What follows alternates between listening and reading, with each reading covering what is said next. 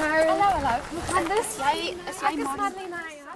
Melissa Hattinge is een van die wat aan die stuur van die vereniging se sake staan en hulle erf grens aan die kloof. Sy sê hulle raak betrokke in 'n poging om die nodige veiligheidsmaatreëls te implementeer en om lewe te gee aan ander groot drome. Hiking has become the most prolific outdoor activity in the country, and we want to make the space usable, walkable, safe for hikers.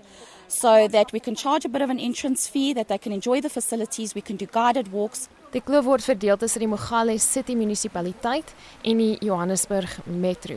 Nou Hadding sê die proses het aanvanklik gesukkel, maar die probleem lê nie noodwendig by die regering nie. Was a lack of interest by the community, in fact, and shunting the responsibility wholeheartedly on the municipality. Their resources are limited. So it has to be a collaborative effort between the community and the municipality, and we have to work together. There cannot be this expectation that it's got to fall on someone else's shoulders. Whose shoulders? You live here. You need to do it yourself. Get involved. Sy sê die bureaukratiese proses behoort oor so 6 maande afgehandel te wees. The department that we met with was very supportive and they have endorsed us so that we can move on to the next stage. We've proposed to register the company. We will register as a public benefit organisation through SARS so that we can issue Section 18A certificates.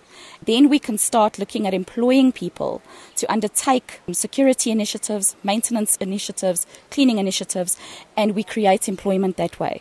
We need to work with the municipality as a collaborative partnership Die vereniging se doel is egter nog nie aan almal duidelik nie. Oh, we're scared when we see you. Every time I see you, I say, also. We're just trying to clean you. Oh, yeah, just clean it. Dit is nie net 'n plek van ontspanning nie. Vir baie is dit 'n plek van aanbidding. Dis Saterdag en ek en die vereniging se mede-stigter Charlotta Stein loop verskeie pelgrims raak. See your family, hey? Yep. What is all this that you have here?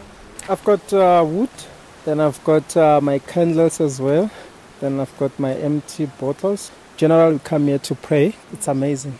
We feel light after leaving this place. And thank you for taking care of it. Oh, We always encourage so them. Welcome. We need to take care of this place because it's taking care of us as well. This is your son? Why is it important for you to bring him? Connect with nature as well. It was one year when I started seeing stuff that nobody sees.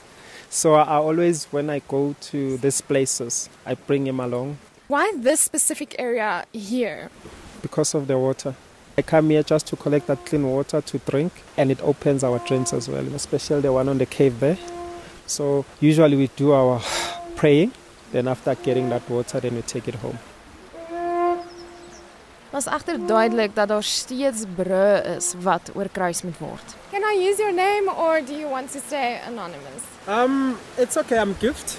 I cannot say my church because um, we need to protect the church. We mostly in a space where we do our stuff secretly, so I don't want to expose my church. Do you feel like there is cooperation between the people who want to take care of the environment and the people who come here for their rituals?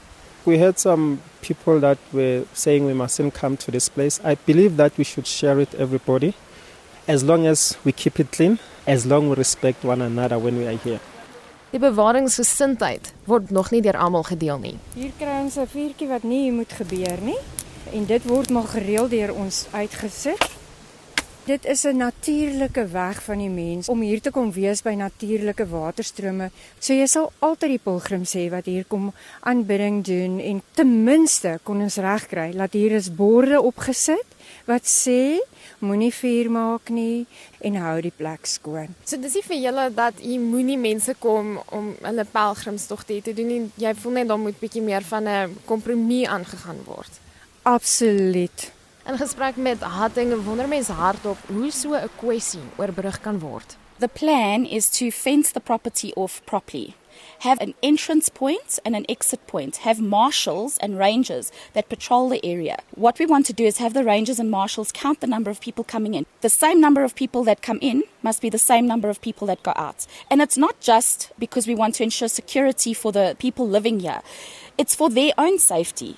Intussen laat natuurliefhebbers nie op hulle wag om deel te wees van die oplossing nie. Ek is Sonja van der Merwe. 6 jaar terug was ek 'n borskanker survivor Mens besef in jou lewe as jy tweede kans kry, die lewe gaan nie net oor materiële dinge en so nie, maar om terug te gee. Ek is Cindy Netling. Ons was al voorheen neem die kloof skoon te maak en die teruggee is dis lekker. Ek sou graag weer hier wil kom vir 'n lekker stappie net as dit al skoon is. En ek wens meer mense het gekom skoonmaak vandag. Mag ek vra hoe oud Tannie is? 77. Nee, ek bly aan die gang en ek bly stap en so aan. Dit is my baie lekker om te leef elke dag asof dit my laaste dag is.